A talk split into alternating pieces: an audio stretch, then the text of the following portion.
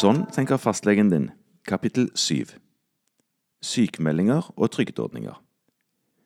Finn er lastebilsjåfør, og for noen måneder siden kom han til meg og klaget over at venstre hånd dovnet bort utover arbeidsdagen.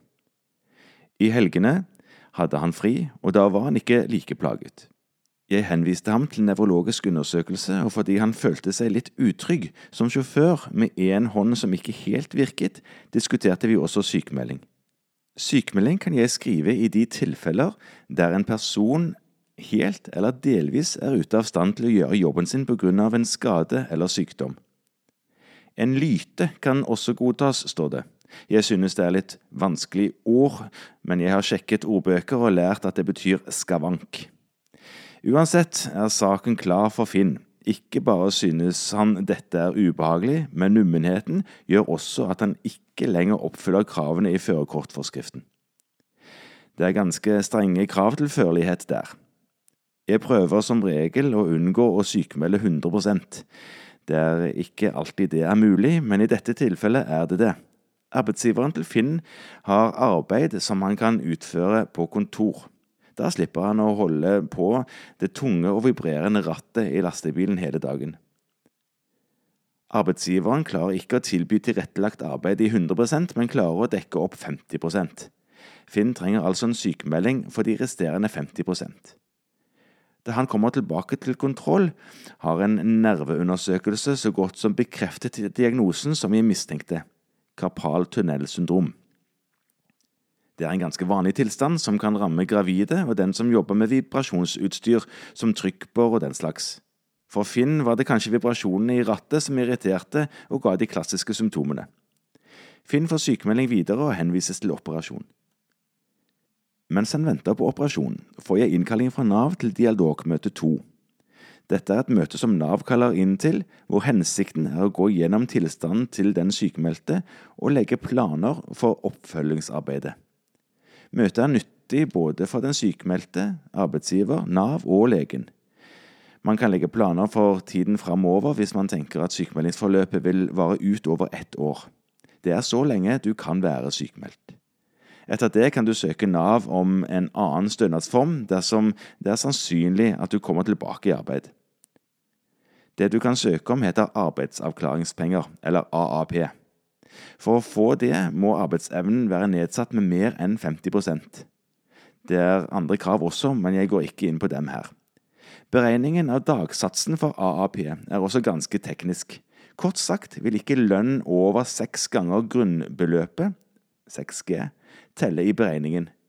Det er andre regler også, og summen av alle disse er at man får mindre penger utbetalt når man går fra å være sykemeldt til å få AAP som regel omtrent to tredeler av sykepengebeløpet. Alt dette er Nav-konsulenten eksperter på, og de gjør en beregning i hvert enkelt tilfelle. For Finn er dette enkelt. Jeg tar kontakt med Nav og sier at det ikke vil være behov for dialogmøte, da han mest sannsynlig vil være tilbake i jobb om ganske kort tid, siden operasjonen er planlagt samme dag som vi skulle hatt møte. Et møte vil være overflødig med en så klar plan så jeg får heller ta opp kontakten igjen hvis sykdomsforløpet blir komplisert, eller Finn skulle være uheldig og rammes av noe helt annet i samme periode. En ny diagnose vil nemlig ikke bety at han begynner på en ny sykemeldingsperiode. Dersom sykepengerettighetene er brukt opp, må Finn arbeide fullt i seks måneder før han på nytt har fulle rettigheter. Ingrid er gravid og kommer til oppfølging. I de første ukene av svangerskapet har hun vært så kvalm at hun ikke har kunnet jobbe, men dette har bedret seg, og hun er tilbake i full jobb som miljøarbeider på en kommunal omsorgsbolig for unge voksne med diagnoser som gjør at de har behov for daglig tilsyn. Hun har nå kommet til svangerskapsuke 25, og alt går egentlig ganske bra. De gravide som gruppe er storforbrukere av fastlegetjenesten, og det på tross av at de i utgangspunktet er helt friske. Hensikten med kontrollene er å identifisere om de har behov for behandling eller støtte gjennom svangerskapet eller i tiden rett etter fødsel. Med opptil ti oppfølgingstimer i løpet av et svangerskap blir man ganske godt kjent med kvinnen og hennes familie. Akkurat det er ganske fint, Å se pasienter i en frisk fase av livet gir meg bedre forutsetninger for å gi god behandling når de en gang kommer med sykdom. Det nyfødte barnet får automatisk samme fastlege som mor, helt uavhengig av om pasientlisten er full eller ei. Svangerskapsoppfølgingen trygger mor, men det gjør også at jeg kan gjøre meg kjent med familien, særlig mor, til den nye personen på min liste. Noen gravide går ikke bare til fastlege, men også til jordmor for svangerskapskontroller. Jeg synes det er lurt. Jordmødre kan mye om de vanlige bekymringene og plagene som en gravid har, og kan utfylle fastlegen i oppfølgingen av den gravide. Dessuten har jordmor nesten alltid mer erfaring med selve fødselsforløpet og kan bruke tid på å forberede de vordende foreldrene på hva de har i vente. Min erfaring er at førstegangsfødende møter til kontroller hos meg og hos jordmor. De går dessuten ofte til private ultralydkontroller i tillegg til ultralydundersøkelsen som tilbys rundt uke 18. De leser bøker om å bli foreldre, dokumenterer magestørrelse med bilder underveis og masserer inn oljer i hud som kan settes på strekk. Alt dette er rørende og forteller at de ikke vet hva godt de kan gjøre for den nye verdensborgeren.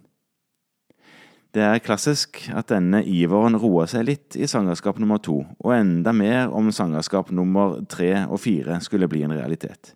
Det betyr selvfølgelig ikke at foreldrene bryr seg mindre om livet som vokser til, men er nok heller et uttrykk for at eh, selv et svangerskap og en fødsel kan bli en slags rutine. Uansett gjør jeg stort sett det samme på alle svangerskapskontrollene. Jeg måler blodtrykk og vekt og undersøker urinprøve som den gravide tar med seg på hver eneste kontroll.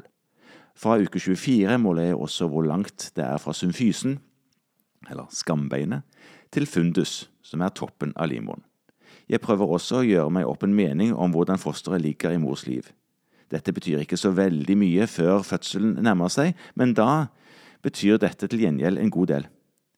Alt jeg måler og registrerer, fører jeg på den gravides helsekort. Det er et papirskjema den gravide har med seg til alle kontroller, enten det er hos meg, hos jordmor eller hos en annen aktør i helsevesenet. Skjemaet følger også med inn på fødestuen når den tiden kommer. Dersom mor kjenner liv i magen hver dag, er det egentlig ikke noe poeng i å lete etter fosterets hjertelyd, men det er blitt en rutine for meg å gjøre det på alle kontrollene uansett. Den gravide forventer også at jeg gjør det. Avtalen på denne torsdagen er å gjøre en glukosebelastning av Ingrid.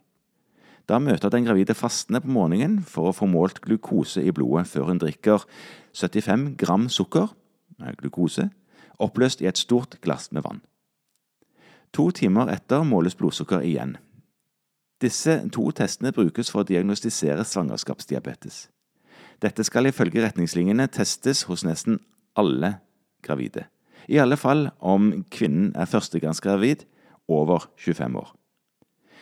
De aller fleste førstegangsgravide er over 25 år, og i alle fall i min fastlegepraksis i en forholdsvis stor by. Jeg synes kanskje at vel mange kvinner må ta den prøven, men det er viktig å fange opp og behandle svangerskapsdiabetes. Ved denne tilstanden kan fosteret bli stort, og det gir økt risiko for fødselskomplikasjoner. Dessuten har kvinner som utvikler svangerskapsdiabetes, bl.a. økt risiko for svangerskapsforgiftning. I tillegg er det sånn at noen med svangerskapsdiabetes utvikler diabetes type 2 etter fødsel. Da virker ikke insulinet som det skal, og pasienten må noen ganger starte med medisin. Diabetes type 1 er en annen sykdom som skyldes at kroppen slutter å lage insulin. Pasienter med denne diabetestypen setter insulinsprøyter på seg selv, ofte flere ganger gjennom dagen. Ingrids glukoseverdier er helt fine. Hun er slank og har ingen tilfeller av diabetes i familien, så kanskje er dette en prøve vi kunne spart henne for, selv om hun er 29 år og førstegangsgravid. Men det er noe annet hun vil ta opp med meg. En ny bruker på omsorgsboligen hun jobber, er utagerende og sparker og slår. Ingrid er vant med slikt og har ingen problemer med at det kan bli litt fysisk på jobb, men nå er hun egentlig engstelig. I forrige uke slo den nye brukeren noen i magen og dyttet en annen slik at denne nesten falt ned en trapp. Slike ting kan vel skade babyen hennes? Hun ber om en sykemelding siden hun føler at det ikke lenger er forsvarlig å gå på jobb. I slike tilfeller kan jeg ikke sykemelde. Ingrid er jo helt frisk. Likevel bør hun ikke være på jobb på grunn av risiko for barnet. I slike tilfeller kan man bruke ordningen med svangerskapspenger. Siden arbeidsgiver ikke har mulighet for å tilrettelegge og omplassere Ingrid, er det svangerskapspenger som er riktig stønad for henne. Det finnes flere alternativer til sykemelding, som jeg prøver å navigere i for å finne den ordningen som er best for pasienten i hvert enkelt tilfelle. Her vil også Nav kunne være med på å veilede deg som mulig mottaker av en eller annen Nav-ytelse.